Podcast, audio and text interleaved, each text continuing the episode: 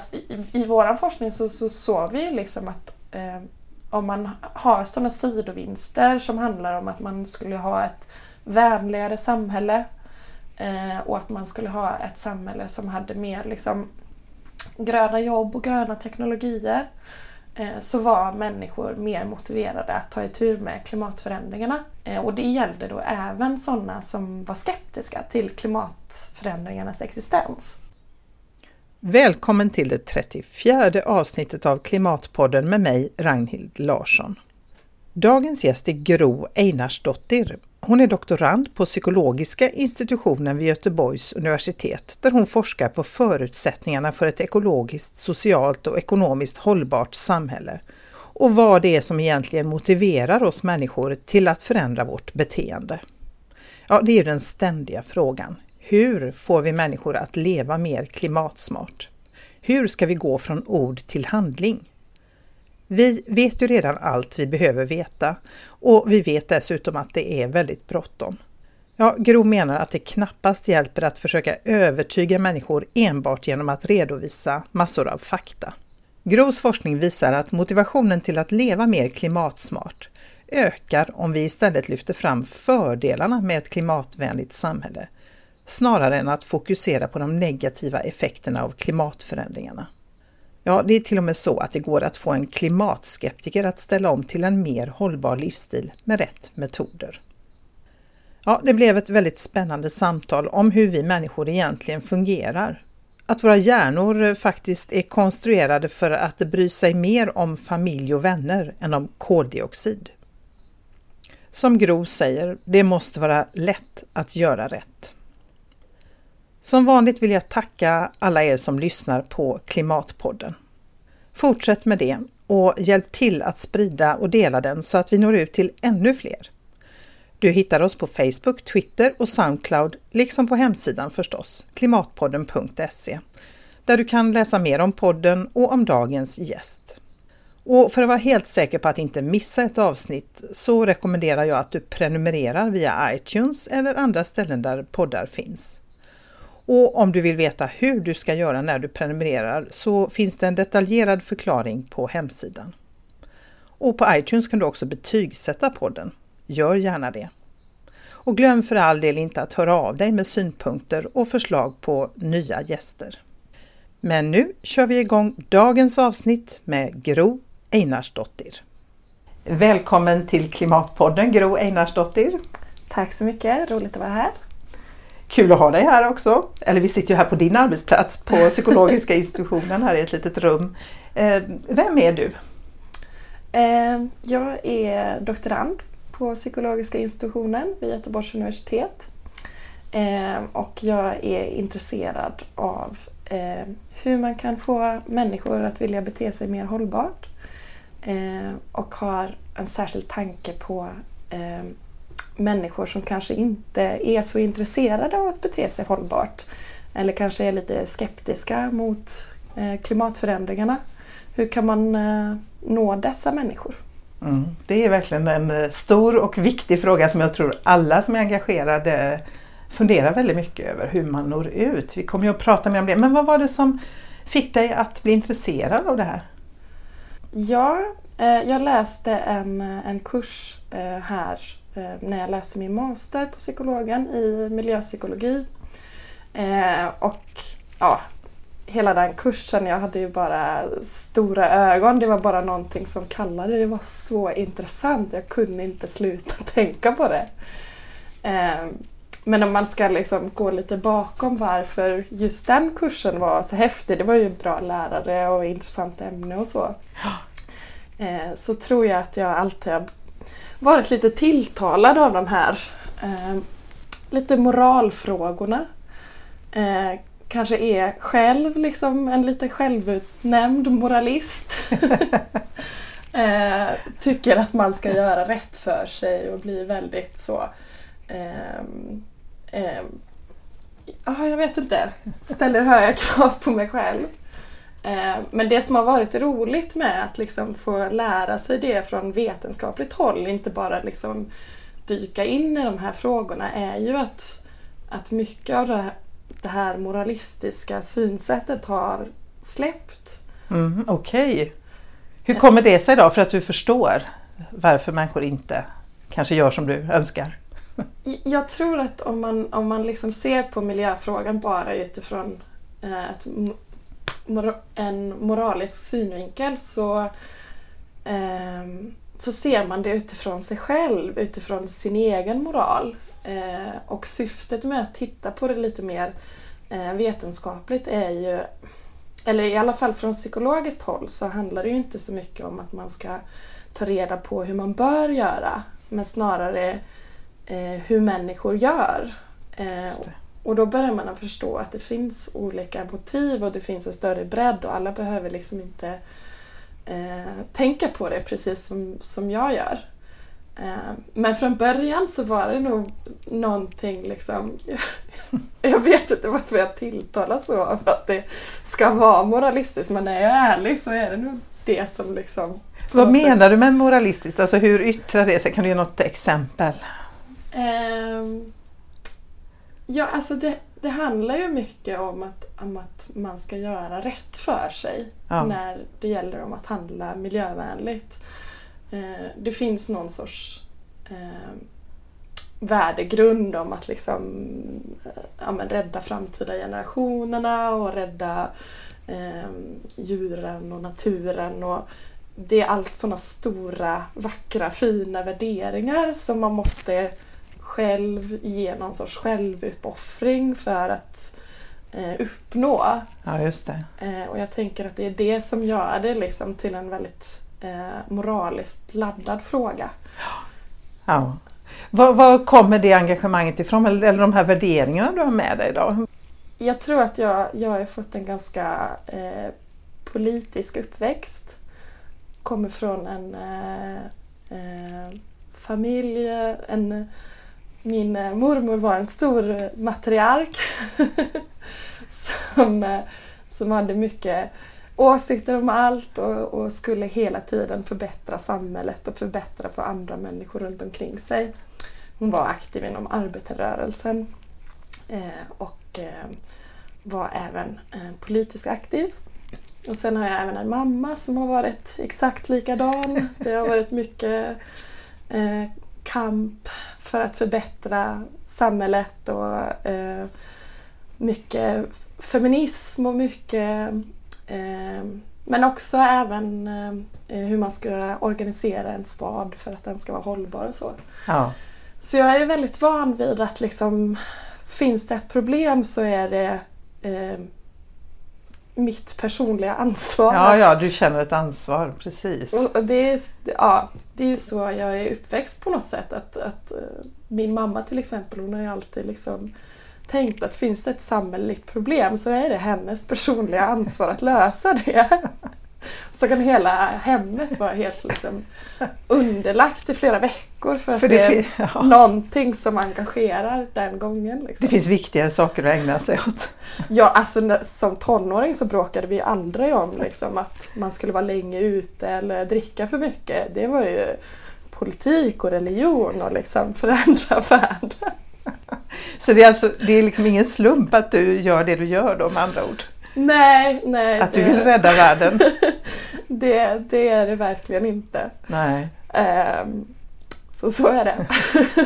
Men det låter ju ändå som att du har haft väldigt positiva upplevelser av detta då. Så det, inte blev, det blir liksom inte tvärtom, tänker jag. Att du, du liksom kände att det är too much. Liksom, att, eh, jo, för du antydde här att, hon, eh, att det var inte så noga med det här hur det såg ut hemma och så, utan det fanns en viktigare, högre politiska mål. Ja. Jo, alltså eh, på ett sätt så har jag ju försökt att hejda det lite. Eh, men jag har väl insett med senare år att det, det liksom går inte riktigt att gå emot. Eh, det, det, är liksom som en inre kraft som gör att man eh, triggas igång av det. Så jag har nog mer accepterat att det, det är så det är. Ja. Alla funkar inte så och då kanske jag ska utnyttja att, att jag funkar just på det sättet. Ja, just det. Och nu försöker du alltså ta reda på varför alla inte, andra inte funkar som du då? ja. ja, så kan man säga. Ja. Alltså, jag tycker detta är fascinerande då. Vi saknar ju inte kunskap när det gäller då klimatförändringarna. Vi vet egentligen, vi har egentligen alla fakta på bordet och vi vet att det är riktigt illa. mm. och att vi måste agera nu. Men kan du förklara då varför gör vi inte det vi vet att vi någonstans vet att vi faktiskt borde, måste göra? Mm. Alltså, jag tror att man har försökt att undersöka den här frågan ganska länge. Det, det har ju länge funnits en ganska stor tilltro till att, att det är informationen som kommer att liksom förändra människors beteende och synsätt. Eh, och inom miljöpsykologi så har man ju undersökt eh, det här i ungefär 40 år kanske. Eh, det här med hur, eh, hur effektivt fungerar det med så här faktainformation för att ändra på folks miljörelaterade beteenden. Eh, och det man ser är att ehm, det händer i princip ingenting. Ehm, vilket är, ja, det, det är lite tufft att ta in på något sätt. Ja, för att det, man har lagt så mycket vikt på det och så mycket tilltro till att det eh, ska förändra saker och ting. Just det, bara människor blir upplysta så löser det sig liksom, av sig självt. Ja. ja. Eh, och det, det finns ju flera anledningar varför man tror att det inte eh, funkar så väl. Till exempel en anledning är ju bara att om du får massa fakta om klimatet så säger det faktiskt inte åt dig vad du ska göra. Nej. Faktainformation, liksom, det, det, står bara så här är problemet men, men det är ingen som säger liksom ja men du ska göra så här så här. Precis, vad innebär det, det i min vardag? Mm. Ja, eh, så, så det är ju ett problem. Eh, men sen handlar det ju också mycket om att eh, hur människor tar till sig information. Att, eh, att man eh, har en tendens att, att ta till sig information på det sättet som bekräftar ens egna föreställningar. Ehm, så det har man sett till exempel om man tar men en, en grupp med människor med en åsikt och en grupp med människor med en annan åsikt. Och så låter man dem läsa samma information. Och då tänker man att de kanske ska komma närmare varandra. Mm. Eh, någon så här faktainformation. Eh, men det man ser är att de egentligen kommer längre ifrån varandra. Okej, okay. ja, det är deppigt. För att de, de då, är det en sån faktainformation som är lite balanserad så måste de liksom lägga ännu mer vikt för att rota fram sin synvinkel i det. Ehm, så egentligen blir de mer polariserade och liksom hakar fast vid de här argumenten som stödjer det de själva tycker. Och vi minns bättre information som är i linje med det vi redan tycker. Ehm, och det här är, och det här är liksom helt enkelt bara hur vår eh, hjärna fungerar. Mm. Man kan ju försöka stävja det lite grann men, men vi är liksom ute efter att Människan är ute efter att skapa teorier mm. och söker bekräftelse. Ja. Eh, så det, det är ganska viktigt att, att man eh, släpper lite mer på den här tanken att vi ska informera oss till förändring. Mm. Och då, då, finns det ju um, det finns ju andra sätt. Det är ju inte det enda sättet. Liksom. Nej, vilka sätt finns det då? Hur ska vi göra? ja, alltså det man har hittat liksom i miljöpsykologi efter som sagt 40 år av forskning um, det är ju att man kan förändra människors miljörelaterade beteenden. Så det är andra sidan som är lite positiv. Vi mm. kan. Det, det är går, möjligt. Det är möjligt. Ja, det är bra. Det känns betryggande. Ja. eh, och det finns mindre och mer effektiva metoder. Eh, och vilka metoder som är effektivast det beror ju lite på vilken kontext eh, man är i. Eh, och för att veta vilken kontext man är i så kan det vara liksom viktigt att tänka på eh, vad finns det för hinder för det här beteendet? Mm. Eh, och vad finns det för fördelar med det här beteendet? Och sen då, om vi tar ett exempel, det kan bli lite mer konkret. Men eh, vi kan ta flyg till exempel, som är en, en stor miljöbov. Eh, då kan man fundera på eh, vad är barriärerna som gör att folk eh, inte vill sluta flyga? Eh, vad är fördelarna med att flyga? Eh, och sen kan man också tänka på det alternativa beteendet som man vill få fram. Till exempel att man ska åka tåg Eh, då kan man fråga sig vad är hindren för att åka tåg och vad är fördelarna med att åka tåg? Eh, och då utifrån liksom att förändra det beteendet så, så måste man börja att liksom sänka eh, barriärerna och lyfta fram fördelarna och så får man tänka både på det beteendet som man vill förhindra och sen beteendet som man vill uppmuntra till. Mm. Mm. Eh, och det här låter ju supersimpelt. Ja, eller hur? Men det är faktiskt förvånande hur sällan man gör sådana analyser där man faktiskt liksom eh, ger sig in på och, och, kanske undersöker lite närmare. Vad är det för, för hinder här egentligen? Vad är, vad är problemet? Varför vill inte folk ändra sig? Men också, vad är det som är fördelarna? För det får vi inte glömma heller.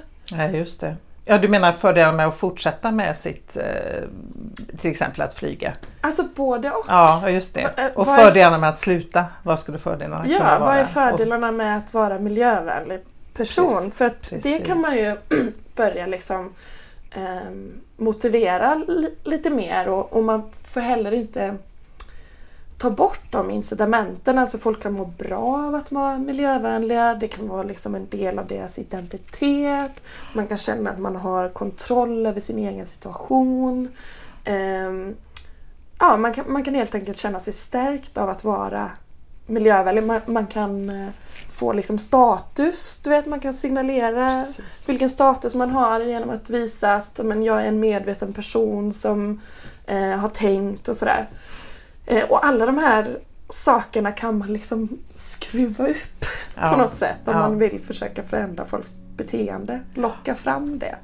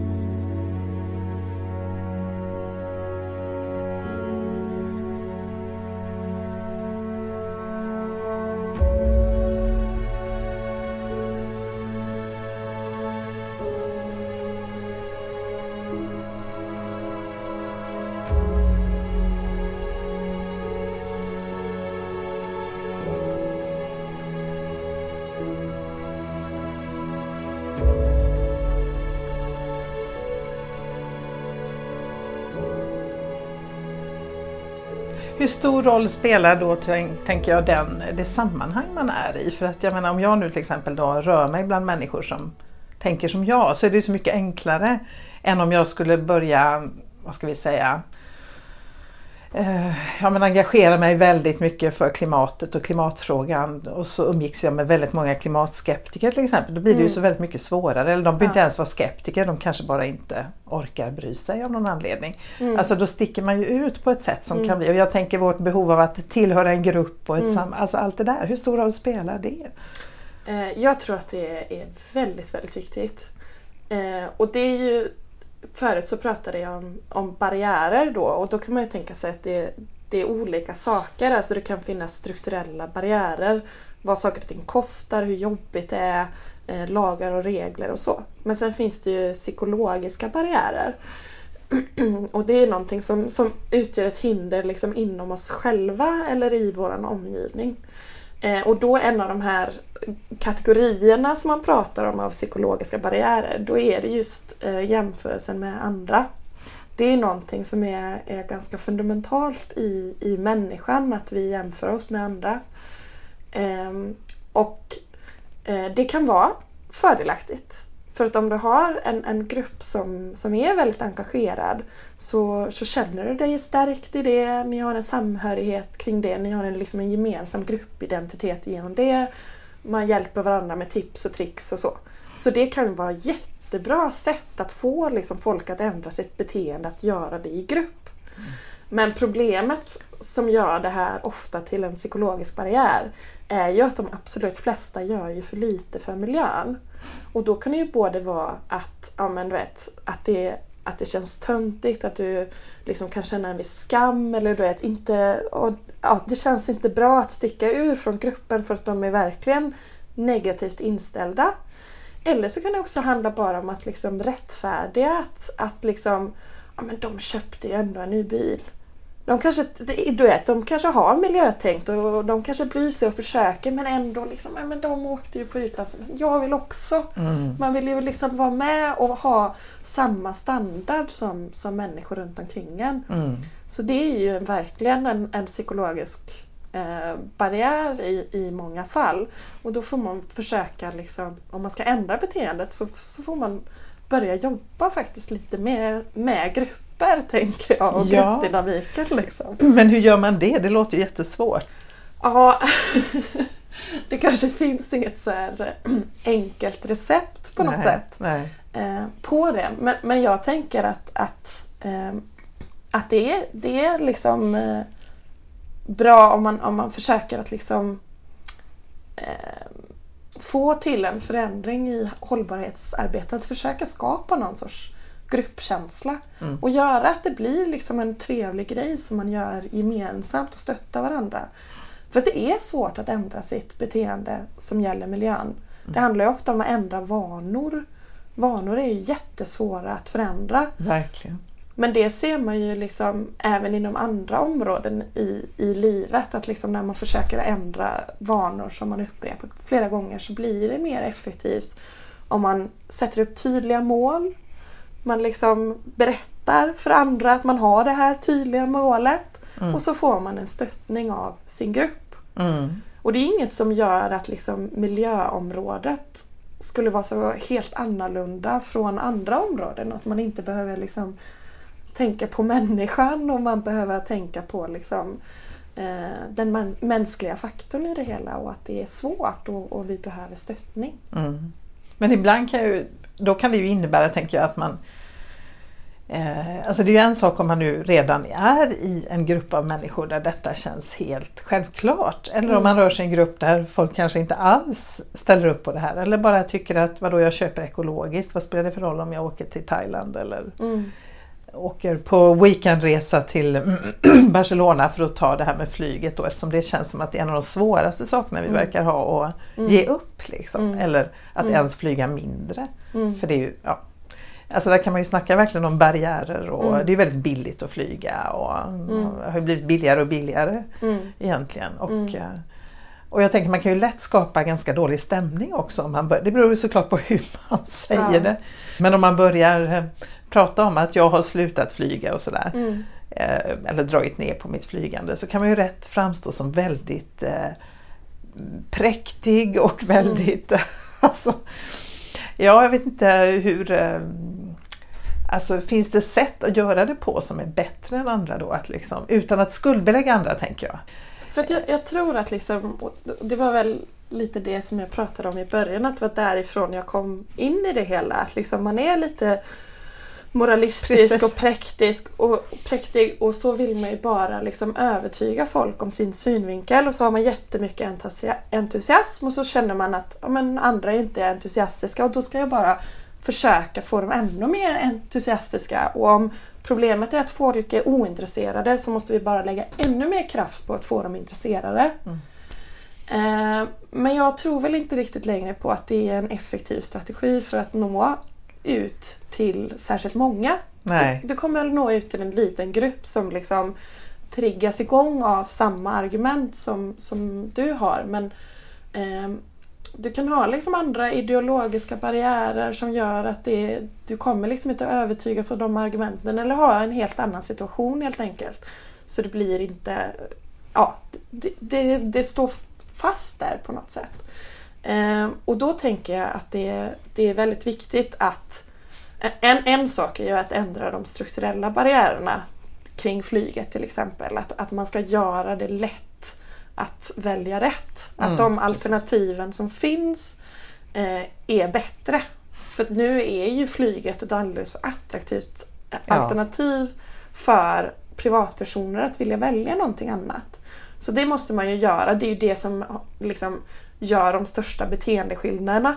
När vi har lätta alternativ, det, det föredrar vi. Mm, Det är, inte så, absolut. det är inte så konstigt. Men, men ibland när det liksom inte riktigt funkar eller man behöver andra metoder också eller man behöver hitta sätt att få folk att acceptera till exempel starka styrmedel som är impopulära.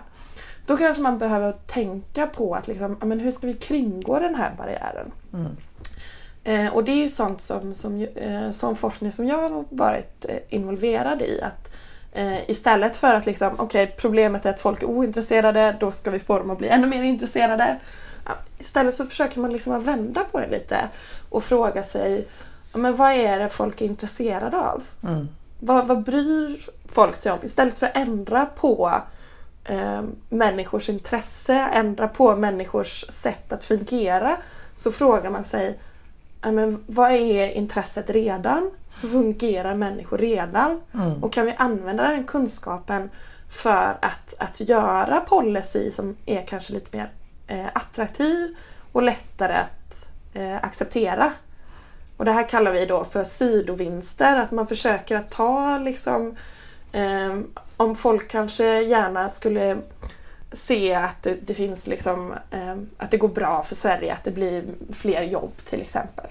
Så kan man försöka liksom att eh, para ihop miljöåtgärder med jobbskapande och då på så sätt få folk att eh, acceptera att man, eh, man arbetar med miljöfrågor. Mm.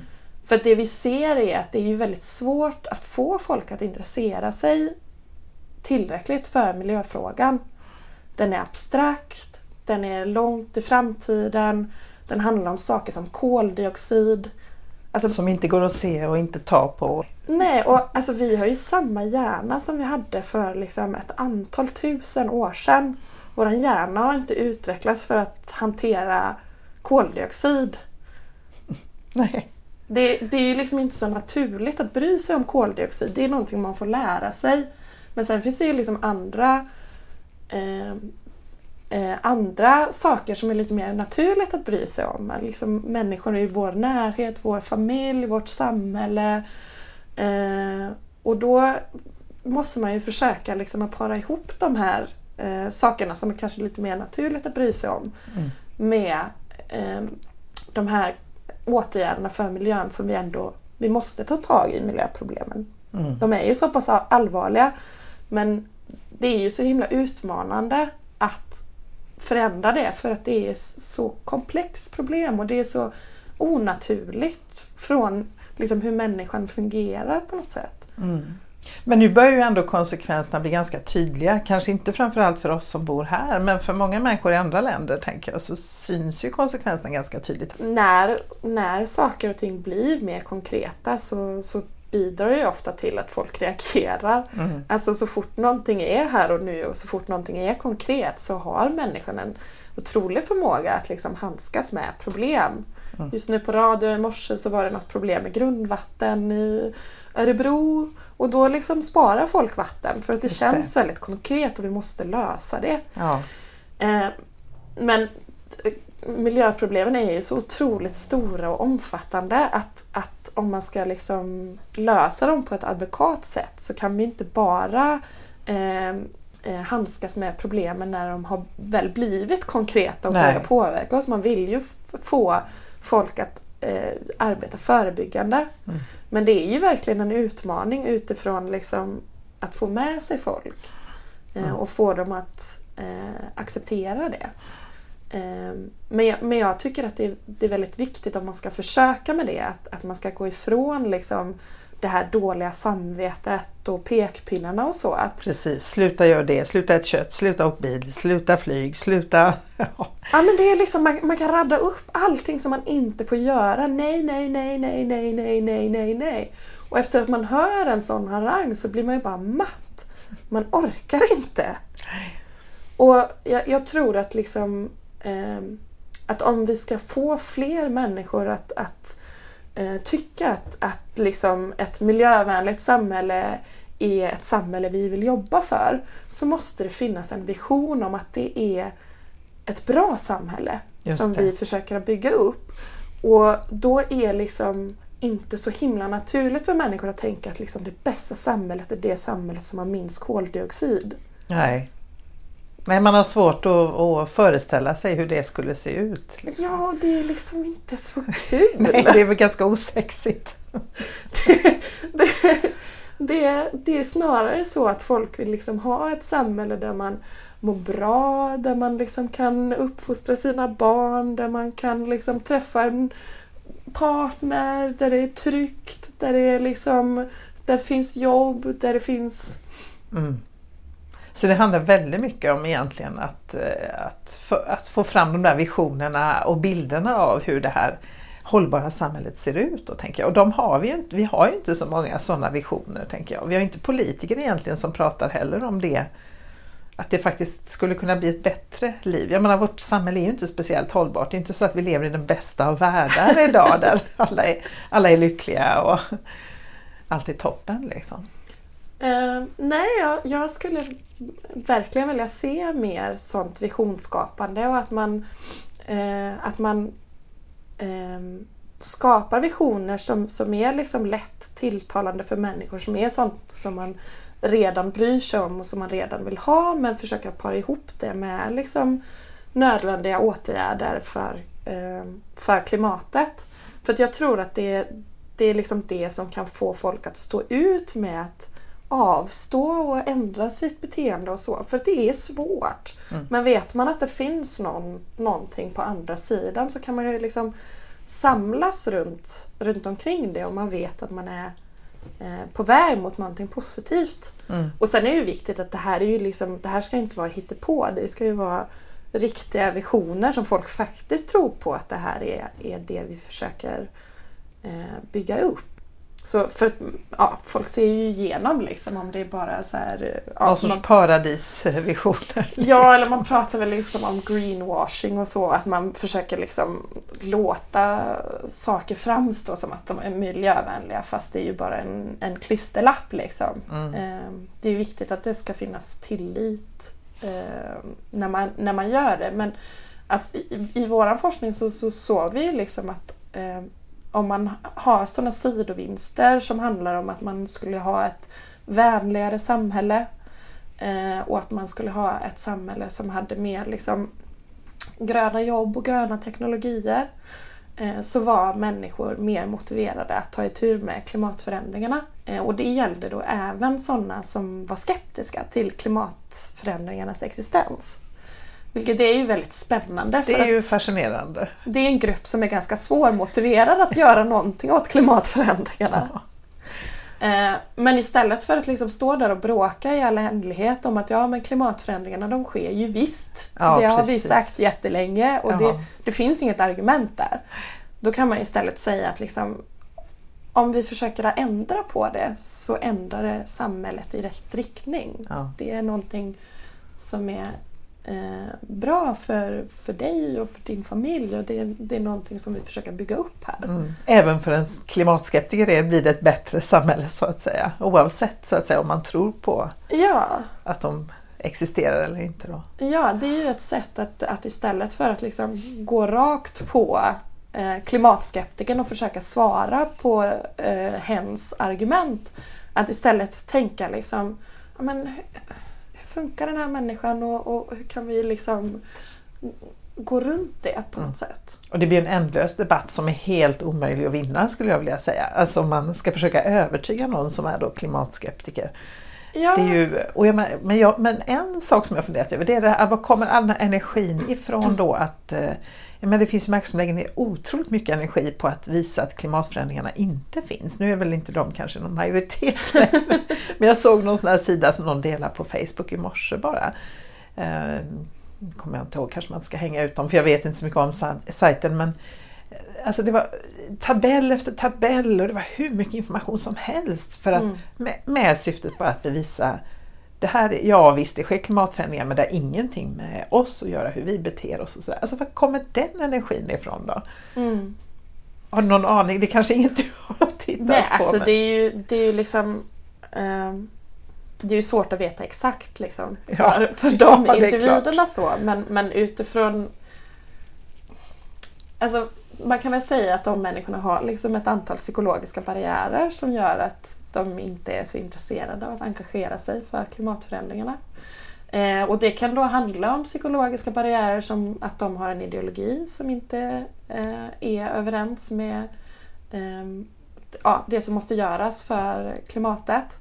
Eh, och det kan ju vara olika ideologier. Alltså folk kan ju ha religiösa ideologier eller politiska ideologier som helt enkelt eh, de har en världsbild som inte liksom går ihop med vad som måste förändras för klimatet.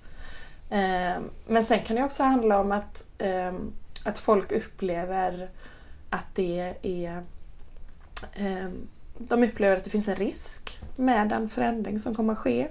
Det är ju ganska vanligt att liksom när, när stora förändringar sker att folk kan bli oroliga och ha olika föreställningar om att det ska vara dåligt på olika sätt. Eh, och den här föreställningen den kan vara byggd liksom på en riktig riskbedömning. Att det, är, det följer vissa faror med den förändring som, som behöver ske. Mm. Eh, men det kan ju också handla om liksom en upplevd risk. Och den upplevelsen spelar precis lika mycket roll som den riktiga risken. Alltså mm. upplever vi att någonting är farligt så vill vi inte engagera oss för det. Nej. Och det kan ju handla om upplevelsen av att det är liksom socialt farligt, att jag kommer att vara utsatt liksom för min grupp. Det kan handla om upplevelsen att det ska vara en risk i att saker och ting inte kommer att funka. Folk kan vara oroliga för att liksom arbetsmarknaden kommer att förändras. Alltså det är ma massor av typ av oro eh, och föreställningar som folk kan ha om liksom, eh, de risker som det innebär att förändra läget som det är nu. Mm. Ehm, det är ju många som är liksom trygghetssökande och vill att det ska vara på det sättet som man är, man är van vid. För ja, det, det känner precis. man ju igen och Speciellt om man då lever ett hyfsat eh, vad ska vi säga, ekonomiskt tryggt liv kanske och har det relativt bra tänker jag i, den ja. här, i det här samhället. Det är ju många som har liksom ett intresse av att saker och ting ska vara som det är nu också. Mm. Alltså intresset ljuger inte. Så har du liksom din försörjning, eh, liksom hela ditt liv baseras på att, att läget ska vara som det är nu eh, så kan du liksom bli extra duktig att hitta de här argumenten som bekräftar dina teorier att, att ja, men klimatet, eh, klimathotet är ju inget hot. Ja, just det. Så kombinerar man alla de här sakerna så blir det ju lätt att man liksom hamnar i någon sorts förnekelse. Mm. Jo, det är inte så konstigt. Eh, men jag tänker då, för du pratar mycket om det här att eh, alltså man, man kan vara rädd då för det här kanske nya mm. och vad det ska innebära. Kräver, tror du, eh, alltså om vi ska få ett hållbart samhälle, ett klimatsmart samhälle, kräver det en, en helt ny samhällsmodell? Jag menar, det finns ju en del som Naomi Klein och andra som eh, pekar på det att mm. ja, det här förändrar allt. Vi, måste liksom, vi kan inte fortsätta bygga på det vi har nu. Det vänder allting upp och ner på något vis. Ja, Jo, alltså förmodligen. eh, alltså det, egentligen är det inte det som, som jag är expert på. Nej, det förstår jag. Det, jag frågar mig om din personliga åsikt. Eh, nu vad du tror. Jag, jag, tror att det är väldigt eh, dramatiska förändringar som krävs såklart. Det är ju ett, ett eh, jättestort problem och alltså jag tycker i alla fall att man, man kan inte längre liksom lägga ansvaret på individen. Nej. För det är ju det man ser också när man, när man sysslar med människors individuella beteenden så som man gör i psykologi och så. Um, vi vet liksom att människors attityder och värderingar de är ju kopplade till folks beteende. Alltså har du miljövänliga attityder och um, miljövänliga värderingar så är du mer benägen att um, vilja bete dig miljövänligt på olika sätt.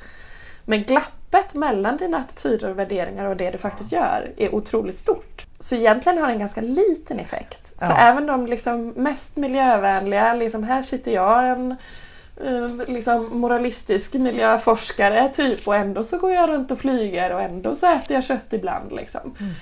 Mm. Um, så, så det har ju en ganska liten effekt på något sätt. Så, så om vi vill ha um, de här stora effekterna, att det, att det sker faktiska förändringar, så måste man ändra kontexten som människor lever i. Mm. Att de alternativen som finns är de alternativ som är eh, bäst för miljön. Mm. För att är det liksom Ja, man, man, måste göra det lätt att göra rätt helt enkelt. Det är det som är den mest effektiva strategin för att få till en, en förändring. Mm. Eh, men jag tänker att samtidigt så, så måste man ju också tänka på människors attityder och värderingar. För att det är ju faktiskt människor som ska acceptera de här åtgärderna. Ja precis och samtidigt så verkar det inte vara heller så tänker jag att trycket, om vi säger nu var kommer förändringen ifrån då? Ja. Det är inte så att vi har jättemånga politiker som står på barrikaderna och säger nu måste vi förändra samhället helt. Alltså det känns ju snarare som att trycket i så fall kommer underifrån. Ja. Eh, ja, jag menar politikerna måste ju också känna tänker jag, att de har ett stöd i att här finns en grupp människor i samhället som faktiskt vill ha den här och se den här förändringen. Absolut. Annars kommer de ju aldrig att agera. Nej, och, och liksom här i Sverige i alla fall så har vi ju demokrati och jag tror att det är liksom ingen som vill gå ifrån det. Eh, vi vill ju att liksom de förändringarna som sker ska, ska ske med, med människors stöd. Mm. Eh, men samtidigt så tänker jag att, att liksom... Eller jag, jag, hade, jag hade önskat att eh, politiker hade varit lite mer kunniga om psykologi ibland. För att ibland så tänker jag att, att man inte vågar då införa eh, åtgärder som inte är så populära. Eh, till exempel olika typer av skatter. Liksom. Det är Mm. inte så populärt. Eh, men ibland så tror jag att man kan liksom förutsäga motstånd eh, bara utifrån det man liksom vet om, om människor. Har man en bra förståelse för människors psyke och hur de funkar och så, Mm. så kan man liksom förutsäga det lite grann. Att om men här kommer vi att mötas av ett motstånd. Och så kan man försöka planera för motstånd. Hur ska vi arbeta med det här motståndet? Just det. Eh, här i Göteborg så var det liksom, infördes det trängselskatt. Och det har ju varit en väldigt impopulär åtgärd. Eh, och utifrån liksom ett beteendevetenskapligt perspektiv så ser jag väldigt många olika punkter där man hade kunnat liksom jobba mycket bättre för att få folk att acceptera det. Det, det, det kommer kanske aldrig vara superpopulärt att införa trängselskatt Nej. men det hade kunnat bli mer populärt. Vad hade man kunnat göra då till exempel? Alltså, folk till exempel reagerar mycket på liksom, om, det, om processen känns orättvis. Eh, det, det är många som blev triggade av det. Eh, det var väl... Eh, alltså, folk tenderar ju att acceptera saker över tid också. I Stockholm så hade man väl, införde man ju trängselskatt och då sa man att man införde trängselskatt på prov. Eh, så liksom, gillar ni inte det här så tar vi tillbaka det. Eh, och det är en väldigt smart sak att göra från ett beteendevetenskapligt perspektiv för att folk liksom tenderar att acceptera saker när en viss tid har gått. Folk kan ju ha, liksom, precis som jag sa tidigare, att man, man har vissa föreställningar, en viss oro om att liksom, nej men det, det kommer inte fungera, det kommer vara för krångligt, det kommer vara dyrt. Eh, och sen får man liksom möta det då och så inser man att ja, men det kanske inte var så farligt och det löser sig ändå. Ehm, och det kan ju ge folk en viss trygghet då när de provar på den här nya grejen att ja men okej, jag gillar verkligen inte det här men det kanske går bort om ett år. Mm. Och sen får man liksom känna på det och sen inser man att ja, men det, det kanske inte var så himla farligt, det kanske är okej. Och, och, och där såg man väl också att, att det fanns en mer acceptans för den åtgärden. Ehm, så jag, jag tänker att det är, det är ett sätt att liksom få politiker att våga lite mer. Att, att man ska planera för ett motstånd och att man ska planera för den här mänskliga faktorn. Att man inte bara ska göra de här detaljplanerna och liksom Ja, I trängselskatten så var det ju också att eh, den skulle användas för att finansiera en annan åtgärd. Och den åtgärden i sig var kontroversiell. Just det, det var ju kanske det stora problemet. Ja, så, så liksom när jag pratar om det här med visioner, att man har något att jobba mot. Att liksom, då kan man kanske acceptera en impopulär åtgärd som skatt om man kan liksom välja ett mål som alla enas om. Just det. Nu ska vi liksom använda det här för att förbättra vården. Ja, Ja, ja. jättebra.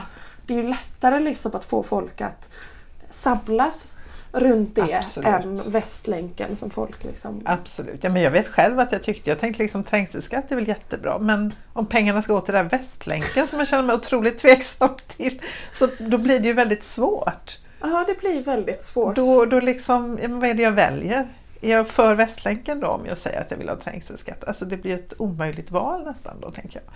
Så Ja. att det, det tror jag verkligen var ett problem där.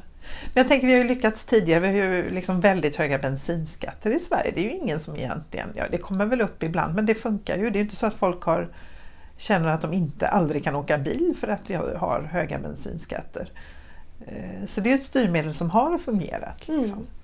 Absolut och jag tror att liksom, eh, jag tror verkligen på att, att styrmedel, mer styrmedel är det som behövs för att det är ju det som kanske förändrar saker och ting för de flesta. Mm, för vi kan inte lägga allt på individen, nej. Nej, nej. Nej, nej, nej, nej, nej. men det kan man ju själv känna när man har hållit på ett antal år att det känns ju lite futtigt att hålla på med sin sopsortering och man köper lite ekologiskt, cyklar till jobbet men jaha, vad spelar det för roll? Temperaturen fortsätter stiga. Ja, och eh, motivationen liksom svackar så en dag kanske man känner sig jättemotiverad ja. och en annan dag så gör man inte det. Nej. Alltså, ja, nej, det, det blir inte tillräckligt effektivt. Men det är ju inte så att man kan bara liksom bombardera människor med massa skatter. Man måste införa det med eftertanke. Eh, och som sagt, vi vänjer oss vid en bilskatt. Det är ingen fara, folk kan acceptera det. Mm. Men då är det ju väldigt viktigt hur man inför det. Mm. Eh, jag, har, jag har ett eh, lite halvroligt anekdotiskt exempel eh, från liksom när man har gjort det här på ett bra sätt. Då. Eh, för att jag höll då på med den här forskningen med, med sidovinster och, och hur sidovinster av klimatåtgärder kan Eh, motivera sådana som är skeptiska eller ointresserade. Eh, och då, eh, min pappa då, han har ju jobbat med eh, policy på, på Island ett, ett antal år, har varit eh, rådgivare för eh, politiker. Eh, och då eh, var det ett parti som, som styrde över Reykjavik som skulle som skulle eh, införa en åtgärd eh, som handlade om att man skulle lägga om avloppssystemet. Så man hade problem med att eh, avloppet liksom ja, det hamnade väl i, i kustlinjen. Så det var eh, väldigt eh, stort problem. Det, det liksom kom inte tillräckligt långt ut i havet och rensades inte ordentligt. Eh, så kustlinjen var, var helt enkelt skitig. Mm. Eh, och att, att lägga om det här avloppssystemet det var ju en väldigt dyr åtgärd. Eh, och det var absolut nödvändigt att höja skatten om man skulle eh, fixa det. Eh, och då är problemet då att eh, avlopp det är inget som folk är sådär väldigt naturligt intresserade av. Och då kan du tänka liksom, okej okay, men vi måste få upp intresset för avlopp. Vi måste göra liksom avlopp till den här härliga frågan som valet ska handla om. Eh, och det inser ju liksom de ganska snabbt att det är ju totalt politiskt självmord. Liksom. Man kan ju inte bara... Desto mer man pratar om avlopp desto värre blir det. det. det. Det går liksom inte. Um, och då, då, det motståndarpartiet var ju överlyckligt också över det här för att då, de skulle ju verkligen göra det till en stor grej. Inte bara liksom att vänstern försöker höja skatten men de försöker höja det för någonting som ingen bryr sig om och är ganska äckligt. Ehm, och då bestämde de sig istället för att, att eh, göra så att oh, men den, den här åtgärden den ska inte handla om avloppet den ska handla om att vi ska bygga en badstrand. Okay. Eh, och nu är det här på Island då så, så det fanns ingen badstrand. Nej. För det är jättekallt. Det går inte att bada. Eh, och då, då var det ju så att eh, man, eh, man sa att liksom för att bygga den här badstranden så måste vi rensa kustlinjen. Eh, vi måste ändra den här avloppsbanan men då ska vi liksom bygga en fin strand och så ska vi här, hälla i, du vet, vi har väldigt mycket tillgång till varmvatten så vi hällde i varmvatten för det, det går ju inte att bada på Island. och så byggde man duschar och så byggde man café och så byggde man jättemysigt så. Eh, och nu finns den här stranden. De vann valet. Mm. Eh, och det är ingen som vet att, att eh, våran badstrand i Reykjavik är en lösning på ett avloppsproblem. Nej. väldigt smart helt enkelt. Det är väldigt smart, det tycker jag verkligen. Och jag, och jag tycker att det här liksom illustrerar hur man har planerat för människors motstånd. Mm. Man, har, man har tänkt efter lite att liksom, nej, det här med avlopp vi kommer inte att kunna tvinga folk. Det är inte bara, vi kan inte liksom lägga ut faktabroschyr om liksom avlopp och så alla bara ja! Nu måste vi ändra på oss. Nej. Det går inte. Så att ha en attraktiv, eh, alltså att det här leder till, det leder, ledde till någonting bra. Ja, och det var ju enkelt för människor att liksom samlas runt det här. Att, att ja, men folk tyckte att det var en bra grej. Och jag Mm. tror for, folk fortfarande tycker att det är en ba, bra grej. Det är en Mm. jättefin badstrand och det, det är liksom eh, istället för att då försöka liksom tilltala folks avloppsintresse så försöker man tilltala folks intresse för att liksom spendera tid med sin familj och nära kära och ha trevligt. Det är de här basala behoven som vi alltid har haft och förmodligen alltid kommer att ha helt enkelt. Då. Ja, och det, Ja. det är liksom smartare istället för att försöka ändra hur människor fungerar. Att, att ställa sig frågan hur fungerar människor och hur kan vi liksom lära oss av det? eh, För att få med alla på tåget. Mm. Så det är, den, eh, det är det rådet vi ger till våra politiker. Ja, absolut. Att man måste, vara, man måste vara medveten om att det finns ett motstånd. Man, man ska inte bli överraskad. Nej, det är ju konstigt om man blir det egentligen. Eh, och man ska planera för det. Ja, precis. Eller så kanske det leder till att man aldrig lägger fram förslaget därför att man vill bli vald i nästa val. Och då skulle mitt budskap vara att det går att förändra människors beteende. Det är svårt, men det går. Det finns liksom, det finns någon sorts hopp i att vi vet att det faktiskt finns mer effektiva sätt. Vi måste liksom bara ha en tydlig målbild, vi måste jobba mer med liksom människors basala motivation, vi måste jobba mer med visioner men, men det går att gå åt en bättre riktning. Det är möjligt.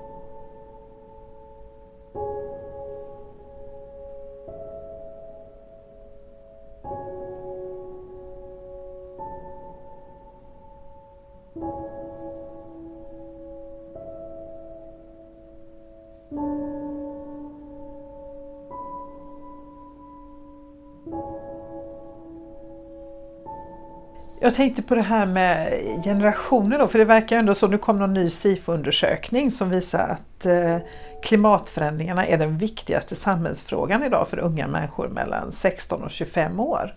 Härligt. Ja, eller hur? Det är vi lite äldre. Kommer det att märkas tror du då? För det är ju det här tänker jag med att det är en sak att vara orolig för det och kanske vara medveten och en helt annan sak att agera då. Mm. Ja, eh, ja, jag önskar att jag kunde säga bara ja. Eh, men, men precis som jag nämnde tidigare så finns det ju ett glapp mellan liksom människors värderingar och attityder och, och det de faktiskt gör. Eh, och en sak som skulle säga att det inte skulle spela så stor roll det är egentligen ifall den här ekonomiska utvecklingen som vi har haft fortsätter. Alltså vi, vi har ju hela tiden eh, mer inkomst eh, och det som spelar absolut störst roll för ja, till exempel utsläpp av klimatgaser det är ju vilken inkomstnivå man har. Mm. Eh, så desto rikare du är desto mer eh, släpper du ut. Så-. Så människor som har råd att köpa saker är ju de som är minst klimatvänliga. Mm. Eh, och det tror jag kanske folk ofta missar. Att man tänker att, ja, men, att det handlar om sopsortering och det handlar om liksom, att köpa ekologiska varor och att det ofta då är ett eh, privilegium för de rika att vara miljövänliga för att de kan köpa en Tesla-bil. Just det. Eh, Men det snarare handlar om att liksom inte flyga så mycket utomlands, inte ha en sån stor lägenhet, inte ha råd med bil, inte ha råd att handla massa prylar och massa kläder. Mm. så, så det är ju de här stora kontextuella faktorerna som, som spelar roll för, eh, för de faktiska klimatutsläppen. Eh, men samtidigt så är det ju väldigt hoppingivande att, att de bryr sig och att det, det finns vissa saker som för ungdomar kanske är eh, totalt självklart. Att de liksom inte tänker på det ens när de, när de slänger sina sopor, att man ska göra det på ett visst sätt. Nej. Att de inte ens... Eh, ja, att vissa saker, vissa av deras vanor har etablerats som goda vanor redan från början. Och det är ju väldigt, det, det är en bra grej. Mm. Och jag tänker, jag, alltså jag har ingen aning om hur många det är men det känns ju ändå som att en del unga människor vill ju inte heller ställa upp på det här, vad ska vi säga, karriärsamhället, det här liksom jobba jämt-samhället som vi har heller, Mm. utan de har andra värderingar som kanske också är faktiskt mer hållbara då tänker jag. Att man Mm. inte är intresserad av att eh, liksom gå in i det här ekorrhjulet och jobba jättemycket och tjäna jättemycket och konsumera jättemycket. Alltså det Mm. följer ju med Ja, liksom en hel livsstil i det där. och jag tror att det är en viktig del om man ska skapa en liksom, vision som, som har lättare att engagera folk än liksom, en vision om, om mindre koldioxidutsläpp. Att det, det handlar om liksom, en, en livsstil som handlar mer om välbefinnande. Mm. Alltså folk som, som tjänar mycket pengar eh, de upplever ofta en ganska stor tidspress. Och delar av det handlar ju om att eh, de måste ägna så mycket tid åt att konsumera och ta hand om sina prylar och ta hand om sin sommarstuga och ta hand om sin... Ja, allt, allt vad de äger helt enkelt. Mm. Eh, och tidspress är ju någonting som, som sänker livskvaliteten. Eh, och då, då kanske det är bättre liksom att skapa tid, att det är det som är liksom visionen som vi strävar efter. Mm. Skapa tid med, med varandra och ha det mysigt och trevligt. Ja. vad, vad är det som driver dig? Vad är det som gör att du vill fortsätta hålla på med detta? Att du nu håller på och skriver din avhandling och Ehm, ja. ehm, alltså en, en sak som gör det ju spännande är ju att det är, det är ett sånt himla svårt problem. Väljer man att forska så, så vill man ju gärna titta på saker som är svåra att förstå och så kan man gräva sig ner i det för det är verkligen en utmaning. Ehm, men samtidigt så tänker jag att jag vet inte, jag kanske har låtit väldigt optimistisk här. Ehm, och egentligen så, så tänker jag kanske inte att jag är så optimistisk. Jag, jag tycker att det är ett jättestort problem och det är verkligen en jättesvår utmaning. Men bara för att det är svårt så behöver det inte betyda att det är omöjligt. nej. Och det här att det är möjligt, det är liksom det är det som driver mig framåt. Att det går att göra bättre och då eh, oavsett vad som resultatet blir så måste vi försöka Mm, mm. för att det går. Det, Mm. finns, det finns som en teoretisk möjlighet där och då måste man eh, jobba för den. Ja. Jag intervjuade ju Kevin Anderson som är klimatprofessor i, eh, i Manchester men som är nu gästprofessor i Uppsala och han sa ju det här att ja, vi har ju ett val. Vi har fortfarande ett val. Frågan är om vi gör rätt val. Mm. Det är, ju, det är ju egentligen det det handlar om, tänker jag. Att vi, vi har möjligheten, men det är ju det där att vi Mm. måste också se till att då välja rätt. Mm. Och det är inte så enkelt, det verkar det som då. Nej. Men på det stora hela känner du dig, det kanske det är en jättesvår fråga, men känner du eh, hopp eller känner du liksom att nej, det här går åt skogen? Då kanske du inte hade suttit här om du hade trott att det var helt liksom kört, men Eh, ja, som sagt så tror jag att jag eh, så tror jag att jag, jag, jag är en person som, som kan se liksom kritiskt på saker och ting och, och se att det eh, finns problem men, men eh, ehm, så länge det finns liksom någonting man kan förändra och förbättra så, så ska man försöka med det. Och det, det, det finns ju verkligen möjligheter att förbättra. Och, och jag tänker att vi behöver liksom utnyttja bara alla sätt det går och alla metoder det går och liksom samla ihop det från så många olika håll som möjligt. Och då tänker jag att, att eh, att det här beteendevetenskapliga perspektivet har någonting att bidra med. Mm. Det tror jag också. Så eh, jag önskar dig lycka till i ditt fortsatta arbete och tack för att jag fick sitta här och prata med dig en stund. Det var jättespännande. Tack själv.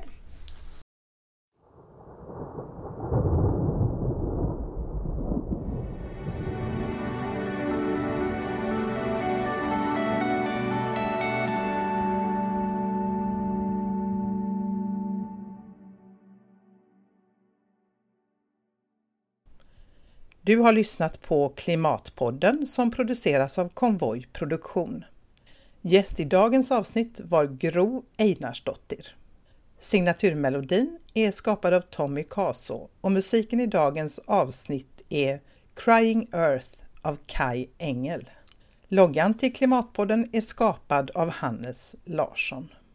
Prenumerera på podden via iTunes och andra ställen där poddar finns. Följ oss på Facebook, Twitter och Soundcloud.